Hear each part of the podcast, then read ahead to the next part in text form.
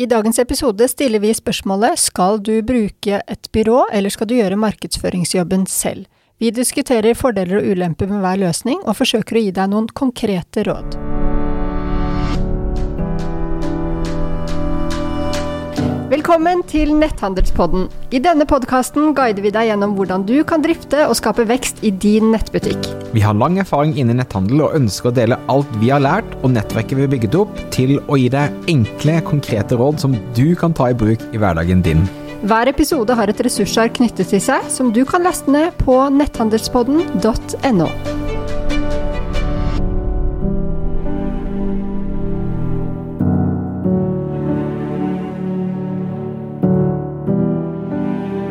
Thomas, Yes. i dag skal vi svare på et spørsmål som jeg har fått ganske ofte. Mm. Og det er hvordan man samarbeider med byrå. Og når jeg sier byrå, bare ta det med en gang, så snakker jeg om markedsføringsbyrå. Noen eksterne som kan hjelpe til med markedsføringen. Riktig. Og det der er ikke så lett, altså. Det er kjempevanskelig. Eh, Og så er jeg jo litt inhabil også, men si jeg driver jo et markedsføringsbyrå. Ja, men det er helt supert, for da har vi en, eh, både en som jeg eventuelt kan klage til her, men også få høre litt fra din side av bordet, hvordan det faktisk eh, er å samarbeide med netthandlere. Mm. Eh, Så jeg tror at vi, vi skal klare å få en del matnyttig her. Altså, jeg er veldig spent på å snakke med deg som har den erfaringen du har. Og jeg har jo sittet som, som netthandler og skullet finne byrået, og skullet samarbeide med byrå, og ikke minst hjulpet alle disse små nettbutikkene. Ja. Eh, Eller små, mellomstore og store. mm -hmm.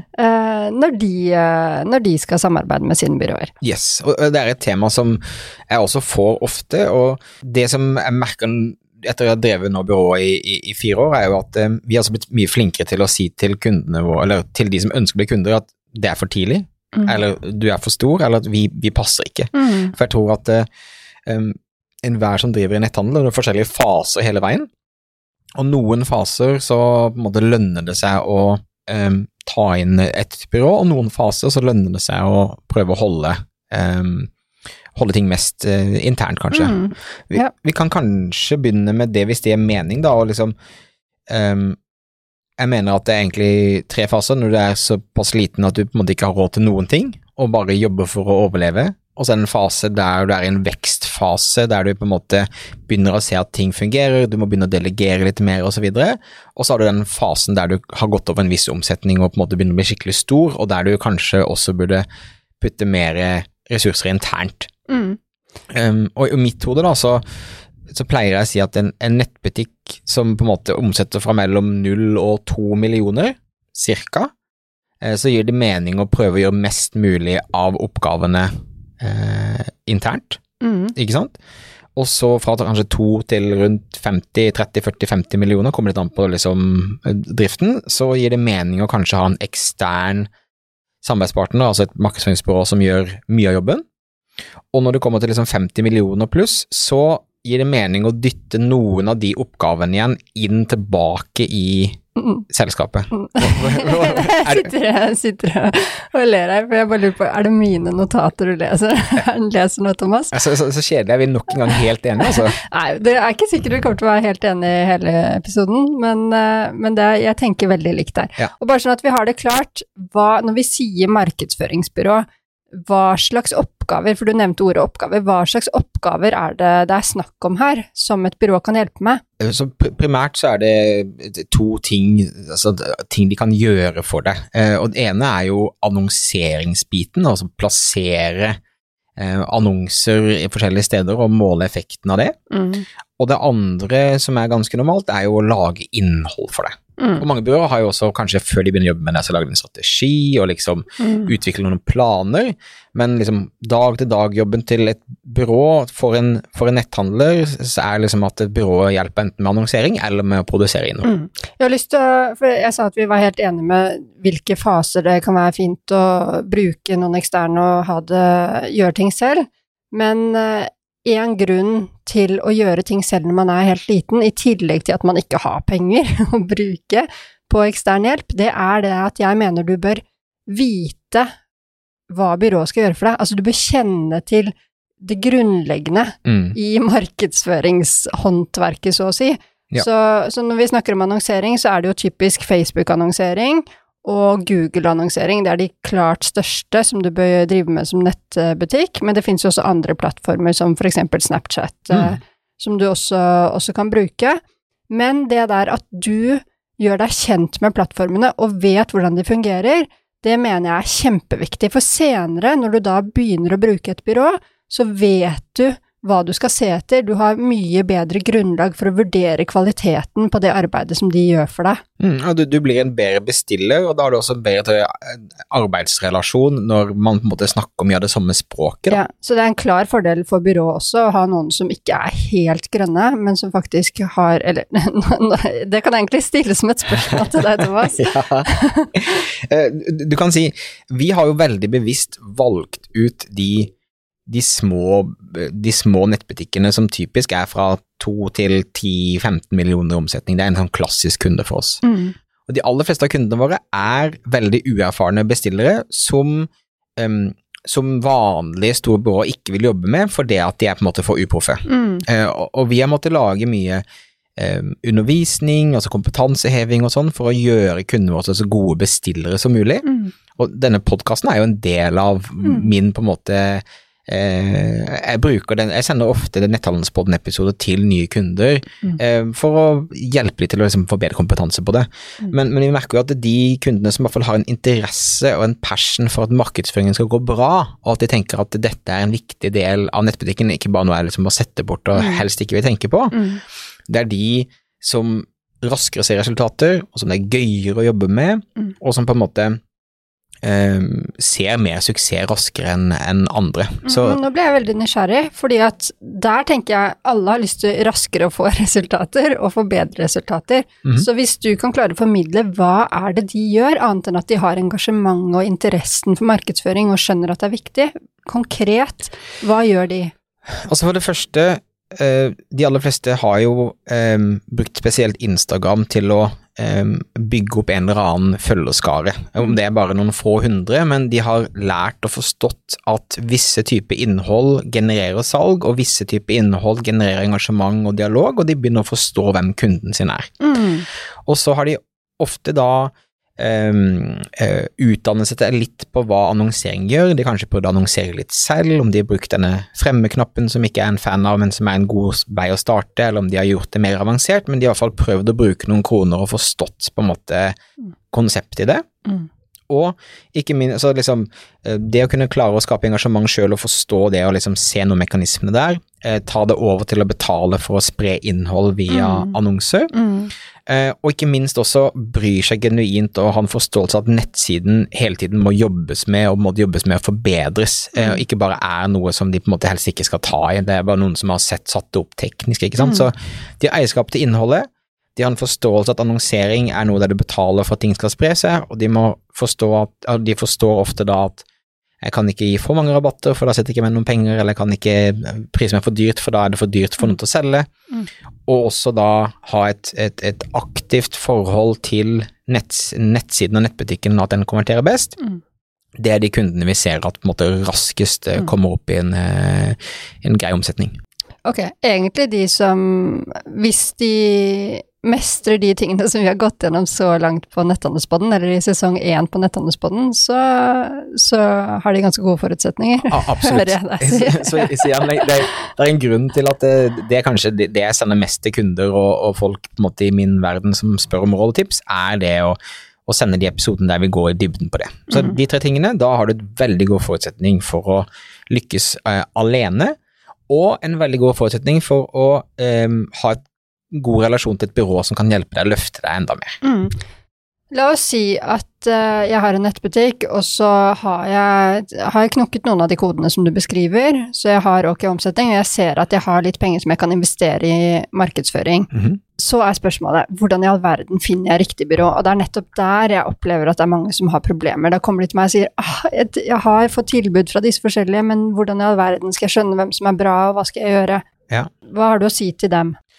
Først og fremst, så du kan si av de kundene eller potensielle kunder jeg snakker med, så forteller alle at de blir nedringt av folk som tilbyr de masse dealer og masse Altså, de, de blir aktivt jaktet ned av folk som ønsker å tilby markedsføringstjenester. Er det, er det et uh, dårlig tegn i seg selv, hvis byråene må gjøre det? i, i mitt hode um, Så altså, uten å Altså, om byråene velger å gjøre det, er egentlig irrelevant. Det som jeg tror er viktig å tenke på da, er at hvis du får mer og mer oppmerksomhet fra mange byråer, så kan det godt være at det kan være interessant for deg å sjekke ut om du er moden for å ha et byrå som kan hjelpe deg. Og så ville jeg heller gjort research selv, snakket med andre nettbutikker rundt din størrelse, hvilke byråer bruker du, osv. Så, videre.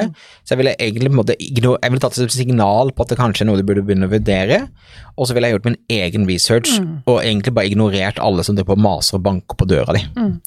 Eh, og, og, og så spurt andre, og søkt litt rundt og sett da hva folk, eh, hva folk mener om la oss si to-tre byråer som går igjen hele veien, og så kanskje tatt kontakt og tatt en prat med dem. Mm. Mm. Eh, og jeg vil anbefale på en måte å, å ta en telefon eller et nettmøte så du ser disse menneskene, det er mennesker du skal forholde deg til, som du skal på en måte bygge tillit rundt, og, og høre, hva, hva, høre hva de sier. Mm. Det er også mange byråer som priser seg på veldig mange forskjellige måter. Um, vi har f.eks. valgt veldig bevisst å ikke ta en prosent av annonsekostnaden eksempel når vi annonserer, Mm. For da mener vi at da har vi et insentiv til å bruke mest mulig penger for deg, istedenfor at du sitter igjen med mest mulig i avkastning, ikke sant. Mm. Så, eh, så det er altså noe vi tenker på. Noen tar en fastpris, sånn som vi gjør eh, i vårt byrå. Noen tar en kombinasjon av det og en slags provisjon for salget de skaper. Og noen tar bare en ren provisjonsløsning. Eh, og selvfølgelig basert på hvor du er, så kan det godt være at det er veldig behagelig å ville bare gi bort 10% av omsetningen de genererer ehm, eh, i en periode, for eksempel, fordi at det er billig for deg, men etter hvert som salget tar seg opp, så kan det fort bli veldig mye dyrere og mer uforutsigbart enn Mm. eh, å ha en fastpris. Mm. Og det er veldig stor forskjell på om de tar en kutt av annonsekostnaden og av mersalget som genereres av uh, annonseringen. Mm. Men det er veldig interessant å snakke om prising, fordi at jeg sa når du har råd til å få et byrå, men da må vi bare understreke med en gang, eller i hvert fall fra min side, og høre hva du sier, så skal ikke, så skal ikke det å bruke et byrå, det skal ikke til syvende og sist være en kostnad for deg. Du skal jo da investere penger i å få mer penger tilbake, og hele poenget der er jo at byrået skal ha den kompetansen som gjør at du kan annonsere smart, sånn at du faktisk får avkastning. Ja. Men da trenger du, og dette er ting vi har vært inne på i tidligere episoder, du trenger jo da å ha kontroll på tallene dine. Ja, fordi at du må ha en sånn avanse, mm. at du faktisk eh, har igjen penger. Altså du kan investere litt og, og faktisk eh, sitte igjen med noe selv om du har brukt noen annonsekroner på å få et salg. Ja, Vi har jo lagd en egen sånn Vi er veldig heldige så vi får mye henvendelser fra mange kunder. Og mange kunder er veldig, altså altfor små egentlig til å ha råd til å bruke oss ennå. De må jobbe litt med tallene sine og jobbe litt med vekst, ikke sant. Så jeg har lagd en egen sånn kriterieliste av ting eh, som må på plass som et minimum før det gir mening å jobbe med oss. Ok, den er, det er interessant. Kan Ikke du dele den, for den har du sikkert i hodet. Ja, så, så først og fremst, eh, nettbutikken din må ha over 1% i konverteringsrate. Ja. Eh, og det må has, for da, da vet vi at, eh, at, at det genererer salg, og at folk er interessert i produktene dine, og, og du kan si, jeg ser veldig mye liksom 0,5, 0,6, 0,7% konverteringsrate, da er det veldig vanskelig å skape business. Um, du må ha høyere enn 750 kroner i snittorderverdi. Og det handler om at um, på Facebook, så, for eksempel, så bruker du jo penger for å generere et salg. Um, og hvis du liksom uh, Hvis du skal generere salg på 150-200 kroner, så har du veldig lite penger å generere for å mm. sørge for den avkastning. Mm. Så du må liksom minst ha en snittorder på 750. Så har vi to eh, krav til. ene er at du må ha en eh, kalkyle, altså du må prise produktene dine med minimum 2,5 gangen. Mm. Eh, og det handler bare om at du har nok marginer til at du sitter igjen med penger. Mm. Og så må du være aktiv i sosiale medier. Så det, Hva vil, mener du med aktiv? det vil, betyr at du bør minst én gang om dagen legge ut et eller annet i dine sosiale medier. Mm. Eh, og det handler også om at eh, basispakken vår, som er da at kunder lager annonsetekster og annonser selv, og så er det vi som gjør annonseringen. Mm. Så jeg må vite at de evner å lage innhold, jeg må vite at de på en måte er flinke og er komfortable med, det. Så, men du kan si snittorderverdien, eh, konverteringsraten og kalkylen er liksom det viktigste tallene vi ser på, for om det kan være nytt, eh, nyttig eller ikke. Mm. Og så vet jeg da at eh, altså, vår basispakke koster 15 000 kroner i måneden, og da vet jeg at eh, en kunde hos oss må minimum omsette via annonsene våre for 25 000 i uka, og ha fire i avkastning for at det er butikk der de sitter igjen med penger. Mm. Eh, Og så pleier jeg å si til kundene våre at eh, normalt så tar det tre til seks uker fra vi starter til vi begynner å ligge på et ganske normalt nivå på avkastning, og det kan ta opptil tre måneder fra vi starter til omsetningen er høy nok til at det begynner å bli eh, butikk for deg. Det er et veldig godt poeng, fordi eh, det er ikke sånn at du bare kan drive og hoppe fra byrå til byrå. Eh, Det er noe som skal bygges opp over tid her, og det handler både om samarbeid med byrået, men det der å få annonsene til faktisk å altså, skjønne hva som funker for akkurat din butikk, da. Mm. Så vi har faktisk gått fra å bare si du bare jobber for oss måned til måned, til at vi har en oppstartsfase på tre måneder som du forplikter deg til, Mm. Og deretter har vi ingen oppsigelsestid. Så etter Mm. det så må vi bevise at vi kan levere hver måned, Mm. men vi trenger den tiden sammen for å bli kjent og for liksom få maskineriet i gang, da. Eh, Men så den kriterielista tror jeg også folk kan tenke for seg sjøl, at eh, det er ting de Og igjen, sesong én av Netthandelspodden snakker om alle disse tingene, egentlig. Eh, Men liksom, jobb med å få konverteringsraten din høyt nok, jobb med at du har en så høy snittorderverdi som mulig, jobb med at du priser produktene dine så du har høyest mulig margin i forhold til hvordan prisene er i markedet, og når du kommer til et visst nivå der, så gir det mening å gå ut og, og snakke med et byrå. Mm. Ja, veldig, veldig god sjekkliste. Du øh, var inne på det der med å lage innhold. Og Mhm. det er jo det er jo del av den smerten man har, holdt jeg på å si. eller Det som tar veldig mye tid. Ja. Ikke sant? Å skulle lage dette gode innholdet til sosiale medier. Mm. Og da, når man annonserer, så må man ha godt innhold i annonsen også. Det er akkurat samme prinsippene som gjelder. Men du sa de, den enkleste pakken dere har, så lager folk det innholdet selv. Så bare det at vi kan reflektere litt rundt hva er fordelene og ulempene ved å lage innholdet selv, kontra at et byrå lager innholdet. Ja, så du kan si, fra mitt perspektiv, egentlig som markedsfører mer eller en som driver byrå, så mener jeg at det siste en, en nettbutikk bør sette ut, er innholdsproduksjonen.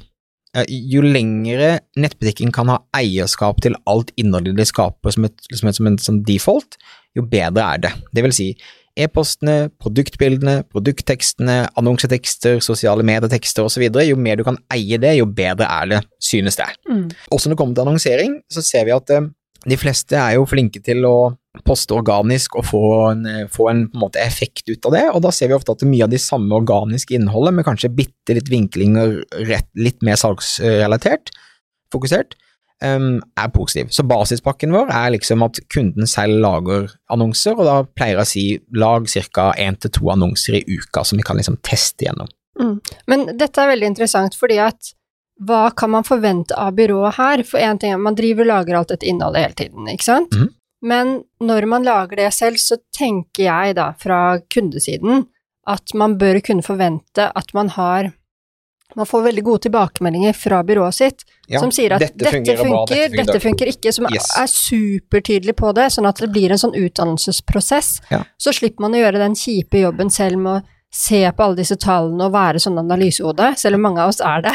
Ja, og det, det er helt riktig. Altså, det er en del av vår jobb, og spesielt kanskje de første månedene, er å gi tilbakemeldinger fortløpende på at dette gikk bra, dette gikk dårlig, og vi bestiller også ofte sånn Vi ser at korte filmer eh, der du er ute i naturen fungerer bra, kan du lage flere sånne filmer. Mm, mm. Så, det, så det, du, er helt, eh, altså det, du, det, er helt riktig, du må nødt til å ha en løpende dialog om slags innhold som fungerer ikke, um, men uh, jeg syns alltid det er en fordel om, om, om produksjonen kan ligge hos kunden. Mm. Um, men vi har jo flere pakker der vi lager innhold selv, men da lager vi kun annonsetekstene. Så det vil si at da er det bilder og videoer som fortsatt ligger hos kunden, Mm. og så har vi erfaring med måte, hva slags eh, selgende tekster forskjellige steder i salgstrakter sånn som fungerer bra. Mm. Så da leverer vi annonsetekstene til kunden, eller liksom tar typisk eh, annonsebudskap eh, og bilde og putter inn i Canva for å gjøre den til en fin story eller en, en, Mm. en bra video osv. så Mm. Så der kan man egentlig samarbeide. Ja. Mm. Og der Det er jo en del byråer som også tilbyr å lage innholdet mye mer fullt ut. Mhm. Um, og det har jeg bare lyst til å si hvis man vurderer en sånn ordning, og man ser at ok, vi har ikke interesse, for det er jo ikke alle som har den der kompetansen, og det vil ikke få lov til å være kunde hos deg, det er greit, men samtidig så kanskje de har gode produkter, Mhm. Og så er det mye annet som de er gode på, men det der med sosiale medier og lage innhold og sånn, det er bare, det føles helt veldig lite tilgjengelig. Ja. Men hvordan bør man da best samarbeide med byrået for å få det til? Altså, der tror jeg det handler om kjemi, da, og handler om at du får virkelig formidlet til byrået hva, hva, som er viktig for deg, og hvorfor produktet er viktig. Og så setter du da bort på en måte tone of voicen og liksom hele den tingen til et byrå. Det som ofte er tilfellet, er jo at uh, byråer som lager innhold, tar seg oftest mye bedre betalt for å da lage det innholdet enn et byrå som f.eks. plasserer annonser Mm. gjør. Mm. Så det kan ofte bli veldig dyrt Mm. uten at du eh, får målt effekten kanskje det første halve året av hva de lager. Ikke sant? Så det, du kan havne i en, en felle der du eh, bestil- betaler kanskje 50 000 kroner for en fotoshoot, da. Mm. Tar masse bilder, og så vet du ikke, aner ikke om bildene er bra eller dårlige, eller om de selger bra eller ikke selger bra, osv. Da ville jeg heller tatt inn en i selskapet som jeg betaler litt penger, som tar eierskap til sosiale medier og innholdet, kanskje, enn i den fasen vi snakker om nå, som 2 til 30-40 millioner, setter bort all innholdsproduksjon til et, eh, Mm. til et byrå. Ja, Mine, mine tanker. ja, men jeg er helt, eh, helt enig i det. Eh, ofte når vi, vi har jo, Hovedtemaet er jo liksom hvorfor et byrå, eller når skal man altså byrå versus deg selv. og det, det er bare, Jeg pleier ofte å tegne et bilde for de kundene som tar kontakt og er liksom litt usikre. da. Eh, Så pleier jeg å sammenligne markedsføringsrollen med en økonomirolle i et selskap. Og Helt i starten så gir det mening å føre regnskap selv, for du har kanskje ikke råd til en regnskapsfører, og så begynner det å bli såpass kompleks, og det begynner å bli såpass mye tid, Mm, Pluss at det er jo helt utrolig kjedelig ikke sant? for veldig mange. um, og da gir det mening å ha en regnskapsfører. Mm. som er sånn er. Vi er et markedsføringsbyrå, og det er akkurat som en regnskapsfører på økonomidelen. Og så når det kommer til en viss størrelse, så gir det mening å ansette en eller annen eh, CFO-rolle som på en måte passer på internt, og som kanskje jobber med regnskapsbyrået, men som på en måte har eierskap til all økonomidelen internt i selskapet. Så det er veldig sånn samme rolle, og det er ofte så er folk mer vant med å tenke på, tenke på økonomiroller enn markedsføringsroller, så det er ofte et bilde jeg pleier å, å male for å liksom eh, hjelpe folk å sette det litt i perspektiv. Da. Mm, mm. Eh, så, så jeg tror liksom eh, når du begynner å bli stor nok, så gir det mening å, å tenke på og, og ta noen av de delene bort, og selv om vi også har mange kunder som synes det er kjempevanskelig, de synes det er så gøy med markedsføring, Mm. de vil helst gjøre alt selv, og så blir det til at de sitter til langt på natt fordi at de har masse andre ting som skal Mm. håndteres hver eneste dag, og så blir de en flaskehals som på en måte mer skader enn gjør bra, ikke sant. Så, Mm. Så jeg tror at er et visst- altså du kommer til et visst nivå der du som daglig leder må gjøre de tingene som, som skal til for at selskapet skal ha mest mulig vekst, mer enn ting du bare syns er gøy hele tiden.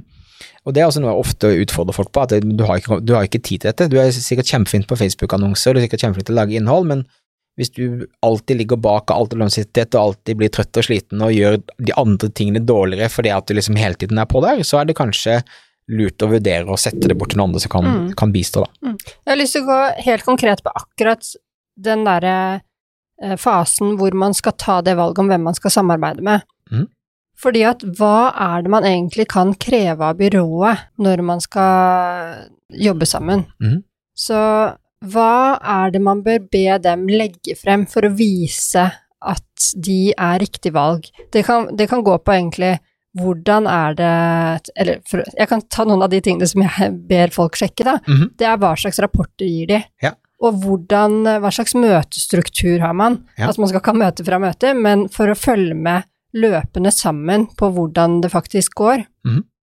Så det er to viktige ting, og at de må kunne legge frem resultater på suksess med andre tilsvarende kunder. Mhm. Og så bør man helst, det er ikke noe man ber byrået om, men man bør helst da finne andre enn de som de nødvendigvis oppgir som referanser, så man kan snakke med andre kunder av dem.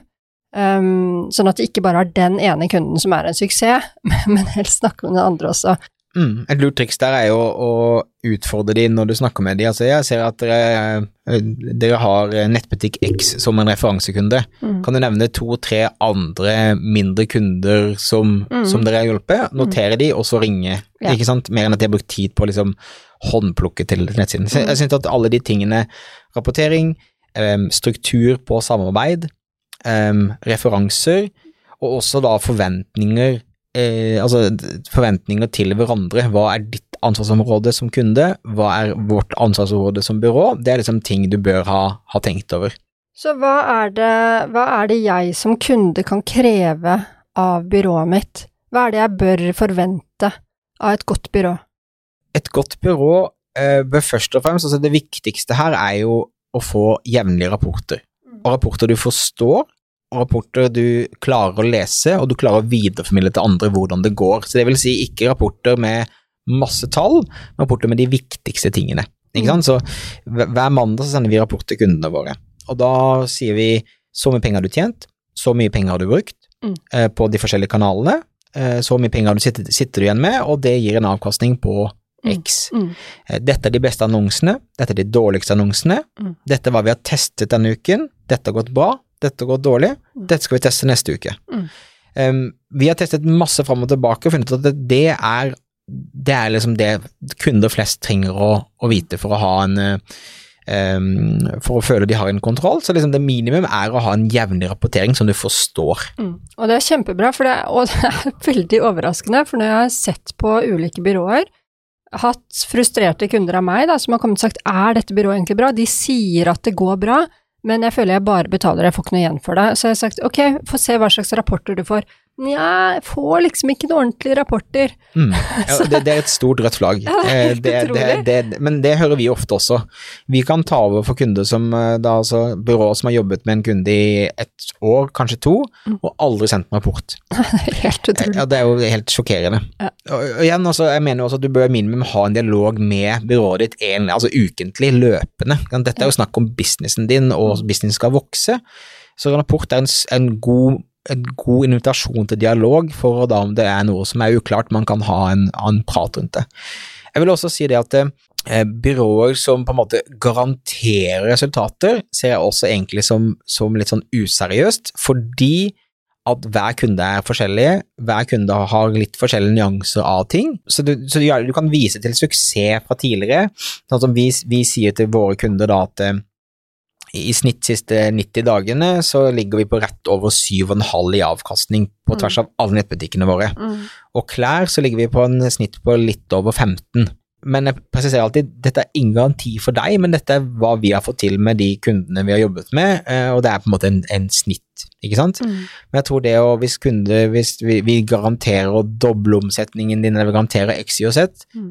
eh, da er de litt for mye på selgeren, og litt for liksom, altså, eh, det er umulig å kunne love, love noe, fordi at eh, markedet forandrer seg hele tiden. Um, nettbutikken din kan forandre seg hele tiden. Det har masse å si med hva slags produkter du har inne til enhver tid, og hva du går tom for, osv. Så, videre. så det er så mange faktorer, så jeg tror det er liksom Du kan kreve rapporter, du kan kreve en jevn dialog, og du kan kreve å ha gode samtaler for hvorfor resultatene går opp og ned. Og i forhold til kontaktperson også, det syns mm. jeg er et viktig poeng. Ja. Hvis jeg skal ha et byrå, så vil jeg ønske å ha én dedikert kontaktperson Yes. som kjenner min virksomhet ordentlig godt, og hvor jeg føler at de faktisk bryr seg, og tar den tiden på å bli ordentlig godt kjent, da. Mm, det er jeg helt enig i, det er også kjempeviktig å ha en fast person å forholde seg til. Mm. Eh, For oss så har vi, vi har det, men vi har også da, til alle kundene mine, så har de har mobilnummeret mitt. Send meg en melding når som helst hvis det er, hvis det er et eller annet. Så du, Kunne vi tatt det nummeret her nå? Nei, nei, det kan vi absolutt ikke. Eh, men, men poenget er at eh, jeg tror du også skal ha liksom en relasjon til den personen som på en måte har tatt deg inn, da. Så den skal ikke forsvinne eller liksom gå bort i et eller annet system. Jeg tror at du skal kunne også holde den personen ansvarlig for den prosessen dere har hatt, den dialogen du har hatt, eh, i tillegg til han fast kontaktperson. ja, som kunde så syns jeg det er kjempegøy å snakke om, eller veldig fint å snakke om eh, kravene som vi kan stille til byrået. Men det er jo naturlig at byrået også kan stille noen krav. Du tok den der sjekklisten før man slipper inn døren hos dere. mm. Men underveis i samarbeidet der, Ja. så, så kan man være en god kunde eller en dårlig kunde, sånn i kraft av hvordan man eh, er til stede i, i samarbeidsforholdet. Absolutt. Så, så hva, er det, hva er det du som eh, byrådriver ønsker deg hos en god kunde, eller hva er det som er en god kunde? Hvilke krav kan du stille til meg som kunde? um, respons, altså dialog. Mange av kundene våre, og forståelig at eh, de er um, små, og de er stressa, de er i en, de er i en kritisk fase i forhold til vekst osv. Men eh, for at vi skal kunne hjelpe på best mulig måte, så må det være en jevn, god dialog. Så når vi spør etter ting, eller hvis vi sier hei, vi ser at produkt X eh, som har fungert veldig bra nå er utsolgt, når kommer det på lager neste gang, så vi kan planlegge og liksom ha dialog og sånn. Altså, det tror jeg er viktig å liksom ha en løpende dialog. Mm. Eh, og så forventer vi at du poster jevnlig sosiale medier, for det hjelper på en måte de betalte annonsene også i forhold til spredning, når Facebook mm. ser at du er en aktiv eh, bedrift som på en måte skaper engasjement. Så det er kanskje de to tingene, altså det å være liksom aktiv i dialogen, mm. eh, og ha eierskap, som jeg snakket om tidligere, til, til nettsiden, til produktene dine og liksom mm. markedsføringen rundt det. Mm. Jeg kan godt legge til noe der. Jeg var inne som rådgiver i et, et veldig bra retail-selskap men de hadde ikke kjempegode resultater på Google. Altså, Google var den beste kanalen uh, når det kom til betalt markedsføring, men likevel så var resultatene litt så der. De var også litt frustrert med hvordan samarbeidspartneren deres, byrået deres, var. Mm -hmm. Men så viste det seg at uh, i denne nettbutikken så var de jo helt fullstendig overarbeidet, så de hadde jo ikke noe tid til å følge opp det byrået. Nei. Så da tok vi rett og slett og intensiverte møtene og da møtte vi jo da en kontaktperson i byrået som var så takknemlig, fordi at hun satt der og hadde masse kompetanse, og det var egentlig et godt byrå som hadde kjempegod peiling på Google-annonsering, mm -hmm. men de samarbeidet da med denne nettbutikken hvor de ikke hadde noe kapasitet til å følge opp. Ja. Så, så, det vi gjorde da, var at vi hadde jevnlige møter, eh, om det var hver uke eller annenhver uke, og noe av det som nettbutikken var nødt til å gjøre for å få fart på annonsene sine, det var å dele markedsplaner fremover i tid. Mm -hmm. Så det er noe, hvis du har lyst til å ha gode forutsetninger til å lykkes, ta og legg den markedsplanen for deg selv. Plott inn hvilke kampanjer du skal ha fremover. Plott inn hva som er de viktigste produktene. For jo tidligere byrået ditt kan få den informasjonen, desto bedre kan de hjelpe deg. Så det er noe med å legge til rette for at byrået kan gjøre en god jobb. Det er kjempegodt poeng. Og det er også veldig bra for deg selv også, for når du blir tvunget til å ha den der oversikten, og så planlegge litt mer enn to uker frem i tid, men kanskje planlegge et halvt år frem i tid, eller ett år, i hvert fall sånn grovt mm. frem i tid, så får du det også bedre selv når du, skal, når du, skal, drive nettbutikken din, så det er en sånn vinn-vinn-situasjon. Eh, 100 og du kan si de kundene som jeg sier opp, er kunder der dialogen er vanskelig, eller de ikke har tid til å følge oss opp eller ha noen dialog. For da, da står vi bare og dunker hodet i veggen uansett, og da da vil jeg heller at uh, vi bruker kompetansen vår og ressursene våre på noen som har muligheten til å ha den dialogen med oss. Mm. Og i tillegg så er det du som er best på egne produkter, og det der som kunde å faktisk bevare den selvtilliten, for det er så fort gjort at man møter et byrå, og så er de sånn litt høye og mørke noen ganger, eh, og forteller liksom om alt de kan, og det kan bli veldig teknisk, og det virker overveldende, og de virker som sånn supereksperter, og generelt det med digital markedsføring kan virke veldig skummelt.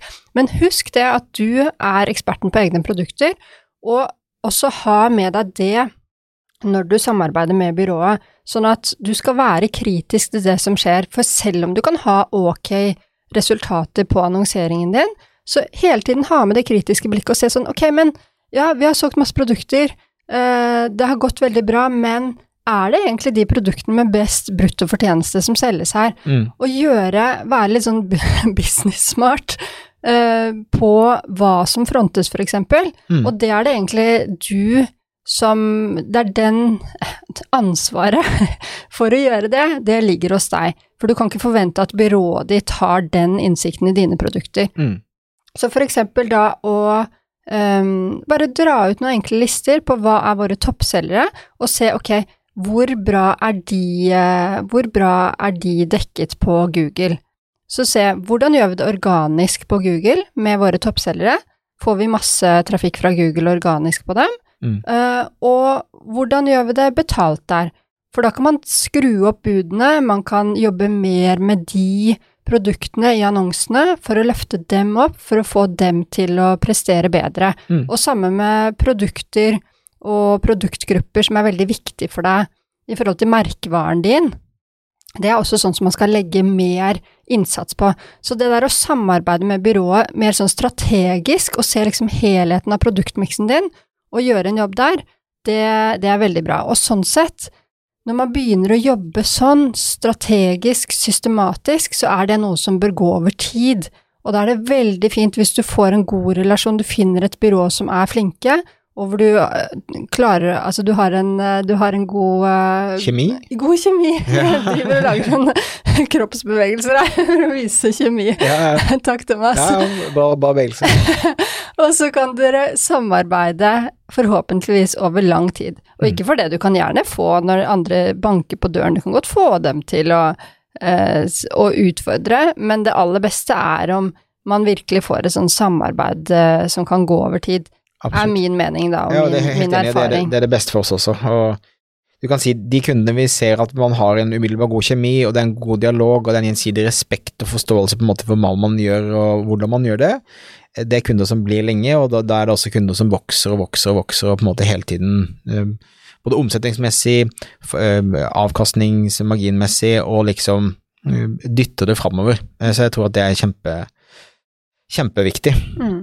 En annen ting som jeg syns er litt vanskelig, det er det der med å vite om man bør ha flere byråer når man annonserer på flere plattformer. For det er veldig naturlig for en nettbutikk å annonsere på Google og på Facebook som de to viktigste. Mm. Men så er det ikke gitt at de som er kjempegode på Facebook-annonsering, også er gode på Google-annonsering. Så det er hva, hva er svaret her? Jeg tror det selvfølgelig varierer veldig fra hvilket byrå du velger. Ehm, men jeg tror at et markedsføringsbyrå som gjør, eller et annonseringsbyrå, eh, bør ha kompetanse til å kjøre begge deler.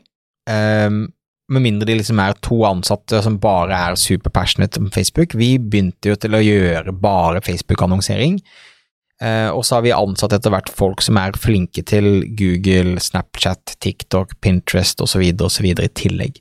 Men det er jo mye av de samme grunnprinsippene. Så er du flink på Facebook-annonsering, så bør du i prinsippet også kunne knekke nøtten på Google og på de andre. Så i utgangspunktet så er det en fordel å ha en kontaktperson i ett byrå som håndterer flere kanaler, for det at den kompetansedelingen med hva som fungerer i de forskjellige kanalene, er lettere å gjøre internt i et byrå enn to samarbeidspar, eller to forskjellige byråer som antageligvis vil konkurrere litt og liksom slå hverandre litt på brystet for å tøffe seg litt for å vise at vi er flinkere, eller den, Mm. denne kanalen er viktigere enn den andre, osv. Mm, ja. Men det kommer selvfølgelig veldig an på.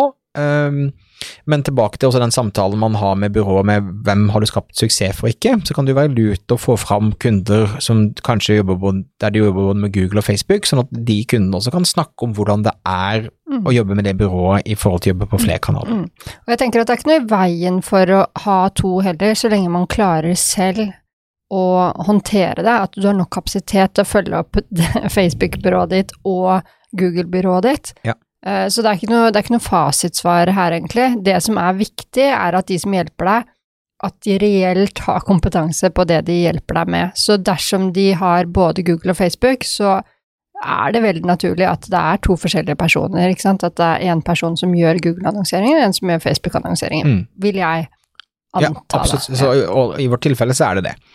Uh, som er liksom eksperter på hver av kanalene. Um, men vi, vi jobber også veldig vellykket med mange andre byråer, der de f.eks.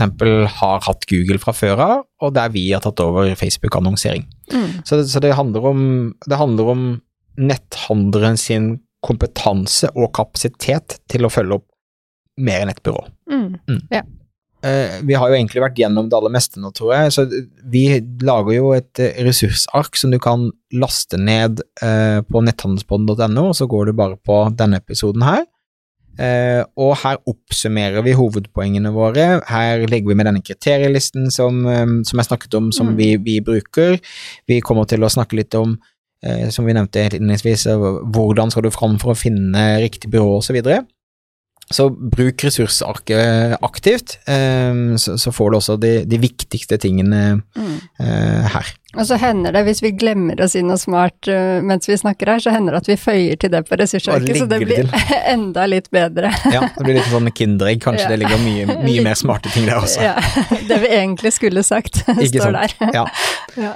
Eh, og, og eh, vi kan jo også si det at eh, vi setter veldig pris på altså eh, tilbakemeldinger og eh, spørsmål via på DM og sånt. Vi får jo en del sånn etter de episodene vi har spilt inn av sesong én, så, så ikke vær redd for å liksom strekke ut en hånd hvis det er noe du lurer på, men vi føler vi har vært gjennom det meste nå i forhold til hvordan man og om man skal velge et byrå. Mm. Og ikke glem å eh, laste ned ressursarket også. Kult. Noe mer du føler vi må legge til, eller føler vi er i, i mål? Nei, det, det siste som vi kanskje ikke har sagt, det er at eh, jeg føler at det er veldig personavhengig i, i noen byråer. Sånn at eh, det å få den ene flinke som har det engasjementet for deg, det er det som er viktig. For selve byrået kan være bra, men hvis du får sånn eh, den dårlige, uengasjerte konsulenten som din kundekontakt, så hjelper det ikke hvor bra resultater det byrået egentlig klarer å få for andre kunder, og hvor flinke de er til å følge opp med andre kunder. Kjempegodt poeng, og du kan si vi har flere ganger måttet kanskje bytte fra den ene kontaktpersonen til en annen kontaktperson, for det har vært en ikke optimal kjemi der. Mm, mm. Så det er også lov å, å flagge og, og, Mm. og si til byrået at eh, jeg ønsker å ha en annen kontaktperson som kan hjelpe meg med dette. Mm. Og så er det sånn at etter en sånn oppstartsfase på noen måneder, så skal du tjene penger på annonseringen din. Så du skal ikke gå i månedsvis, skal ikke gå i et halvt år eller ett år uten at du faktisk tjener penger på den jobben som byrået gjør for deg. Det skal ikke være en kostnad, det skal være en investering som gir avkastning. 100% og det er kanskje det viktigste budskapet her, er at eh, jeg vil si at hvis ikke du tjener penger innen de første tre månedene, med mindre helt ekstraordinære ting, eh, så må du virkelig utfordre byrået på hva som skjer, og du må få gode svar i så fall på hvorfor det ikke blir lønnsomt, og eventuelt hoppe ut av båten hvis det, det, hvis det fortsetter på den Mm. måten. Bra. Da er siste ord sagt for denne gang. Yes, eh, vi snakkes, eh, vi snakkes plutselig igjen, og husk eh, ressursarket på netthandelspodden.no.